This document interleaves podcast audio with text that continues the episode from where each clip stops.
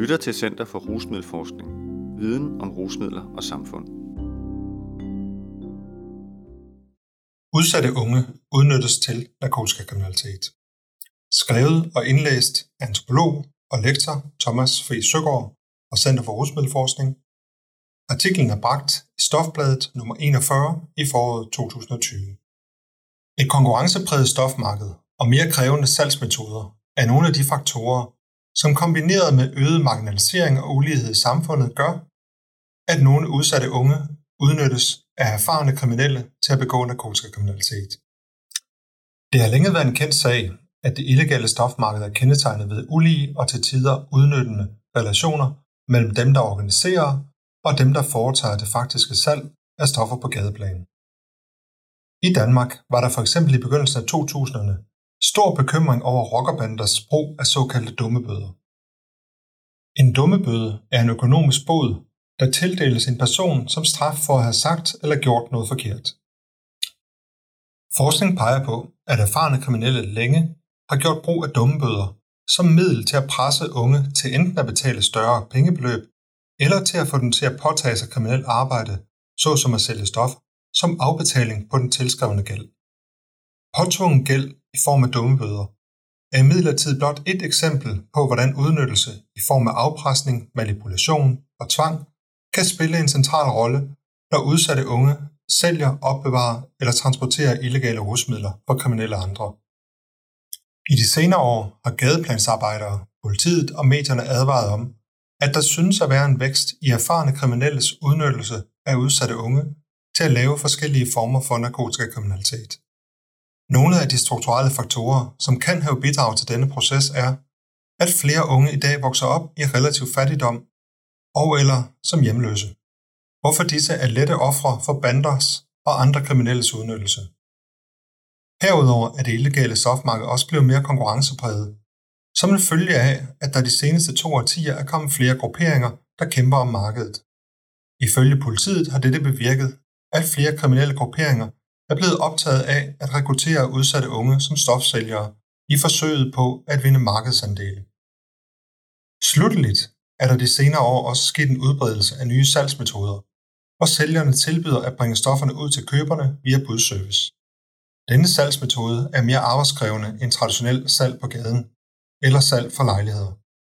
Men sidstnævnte salgsmetoder er kendetegnet ved, at det er køberen, som må komme til sælgeren så indebærer stofsalg via budservice, at alt benarbejdet ligger på sælgersiden.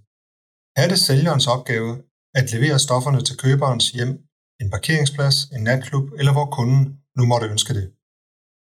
Dette har skabt en situation, hvor bander og individuelle kriminelle entreprenører har brug for en større arbejdsstyrke og er blevet mere ivrige efter at rekruttere unge som narkobude. Unge sælger stoffer for kriminelle andre af forskellige årsager. For at få overblik over, hvordan og i hvilken grad udsatte personer bliver udnyttet til narkotikakriminalitet, lavede Center for Rusmiddelforskning i 2020 et såkaldt Trendspotter-studie, hvor vi ved at spørge ind til fagpersoners konkrete viden om det danske rusmiddelfelt og eller udsatte borgers liv, forsøgte at kortlægge generelle og nye mønstre i narkotikakriminelles udnyttelse af udsatte unge og udsatte voksne. I undersøgelsen blev udnyttelse defineret som den skadelige instrumentelle brug af en anden person og dennes kapaciteter til ens egen fordel. Og i alt svarede 291 fagpersoner på spørgsmål om udnyttelse af udsatte unge til narkotikakriminalitet. Vores undersøgelse viste, at udsatte unge er jævnlige mål for kriminelle, der ønsker, at de skal sælge stoffer på deres vegne. Vi foretog blandt andet en spørgeskemaundersøgelse, som viste, at 81% af de 291 fagpersoner i undersøgelsen kendte til specifikke unge, der havde solgt stoffer på vegne af andre. Heraf havde 84% to eller flere gange inden for det sidste år hørt om specifikke unge, der solgte stoffer for andre. Vores undersøgelse viste også, at udsatte unges vej til at sælge stoffer for kriminelle andre formes af et samspil mellem pull-faktorer, det vil sige faktorer, der tiltrækker som for eksempel udsigten til penge, billige stoffer, spænding, status og det at være en del af et fællesskab, og push-faktorer, det vil sige faktorer, som skubber på, f.eks. økonomisk usikkerhed, kaotiske familieliv, trusler, manipulation og gældsbånd. I figur 1, som vises i artiklen i Stofbladet, kan man se en oversigt over de forskellige og overlappende årsager, som fagpersonerne i vores undersøgelse mener spiller en central rolle, når udsatte unge sælger stoffer for andre. Som for eksempel at de unge gør det for at tjene penge, for selv at få adgang til stoffer eller for at betale af på gæld. Tallene, som man kan se i figuren, er bekymrende, da ca. 40% af fagpersonerne fremhæver manipulation som årsag til, at de unge sælger stoffer for andre. For eksempel viste undersøgelsen, at erfarne kriminelle ofte udnytter udsatte unges alder og mere risikovillige tilgang til at få dem til at sælge stoffer. I figur 2, som også kan ses i artiklen i Stofbladet, kan man se, at 11% af fagpersonerne kendte til unge, der var mellem 10 og 14 år, mens de solgte stoffer for andre. Og 69% kendte til unge, der var mellem 15 og 19 år, mens de solgte stoffer for andre. Som vist i figur 1, spiller tvang i form af trusler om vold også en vigtig rolle, når udsatte unge sælger stoffer for andre. Selvom vold kan indgå i den indledende rekrutteringsproces, så bliver den typisk først udbredt på et senere tidspunkt. Rekrutteringen starter ofte med en grooming-proces, hvor den erfarne kriminelle foregiver at være venner med den udsatte eller stofbrugende unge. På et tidspunkt bliver den unge tilbudt chancen for at tjene lidt ekstra penge, enten ved at løbe små ærner eller ved at sælge til hans eller hendes stofbrugende venner. Som processen skrider frem, kan erfarne sælgere tilskynde eller kræve, at den unge opskalerer salget. Typisk indtræder trusler og faktisk vold, når en person ønsker at stoppe med at sælge. Vold er således et middel til at fastholde en person i en salgsrolle. Gældsbånd spiller også en afgørende rolle. Fund fra undersøgelsen viser, at gæld også spiller en væsentlig rolle, når unge engagerer sig i stofsalg for andre. 57% af fagpersonerne i vores undersøgelse fremhævede således gæld som en årsag til, at unge sælger for andre. 76% anførte, at de inden for det sidste år havde hørt om specifikke unge, der havde gæld til erfarne kriminelle. Stofgæld benyttes i dag i nogle tilfælde som en form for tvangsrekruttering. En sårbar person kan ende i et gældsbånd på flere måder. En er, at stofsælger over længere tid lærer en stofbrugers gæld vokse, og derefter beder personen om at sælge stoffer for at betale af på sin gæld. Da selv en mindre stofgæld hurtigt kan vokse, hvis afbetalinger misses og renter tilskrives, kan de mest uheldige stofbrugere ende med en gæld, de aldrig kan betale. En erfaren stofsælger kan også fange en stofbruger i et gældsbånd ved at give ham eller hende til synladende gratis stoffer som gave, for derefter at kræve penge til gengæld.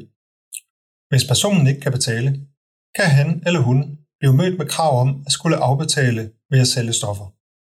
Som tidligere nævnt, indfanges nogle unge også i gældsbånd, som en følge af, at de tildeles en dummebøde.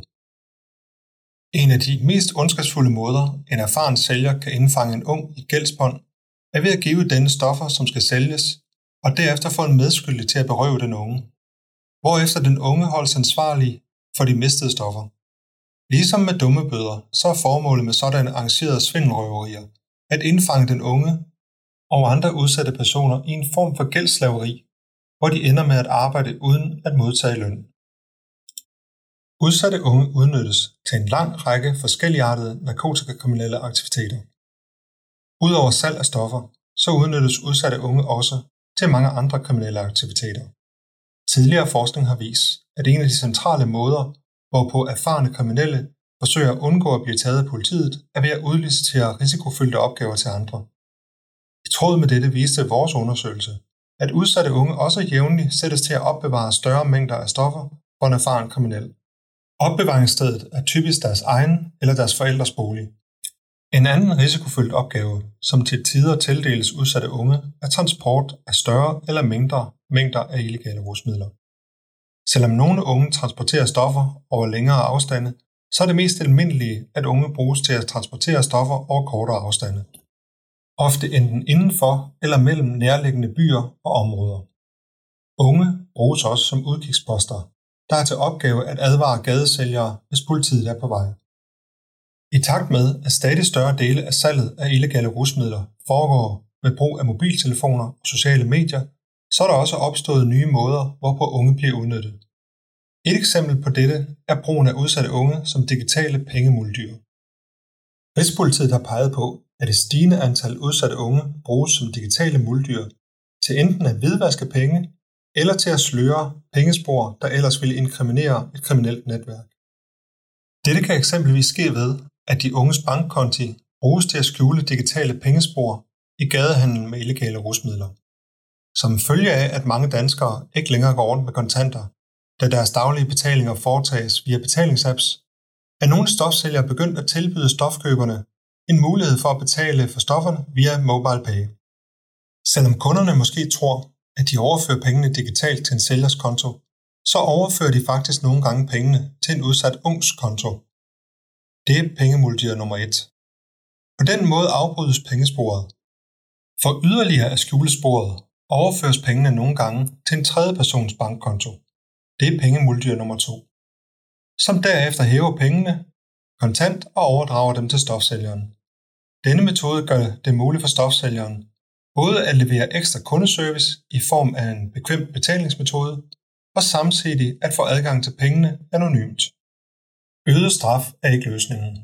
Aktørerne, som udnytter udsatte unge, kan både være gade- og rockerbander og individuelle kriminelle entreprenører. Selvom en del udnytter er voksne og ofte ældre end de personer, som udnyttes, så kan personer, der udnytter andre, også være jævnaldrende eller sågar yngre unge. Udnyttelse af andre til kriminalitet er for eksempel en del af den gadekultur, som hersker blandt nogle unge i udsatte boligområder.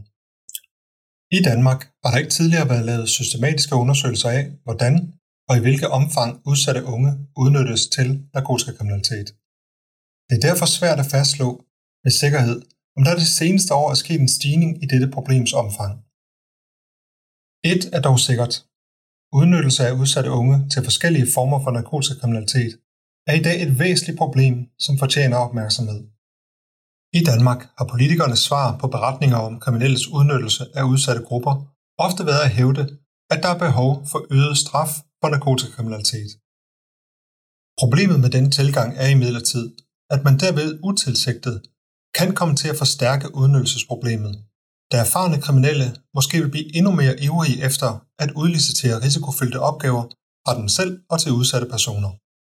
Frem for øget straf så synes en mere holdbar tilgang at være et tæt samarbejde mellem politiet og de sociale myndigheder, med det sigte at undgå, at unge havner i kriminelle udnyttelsesforhold.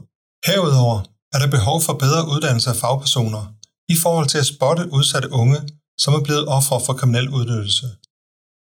I forhold til sidstnævnte er det vigtigt, at man holder sig for øje, at udnyttelse under tiden er en kompleks og rodet proces, og at blot fordi en ung modtager noget, for eksempel penge eller stoffer, til gengæld for noget andet, deres arbejde for eksempel, så betyder det ikke nødvendigvis, at denne person ikke samtidig er et offer for udnyttelse.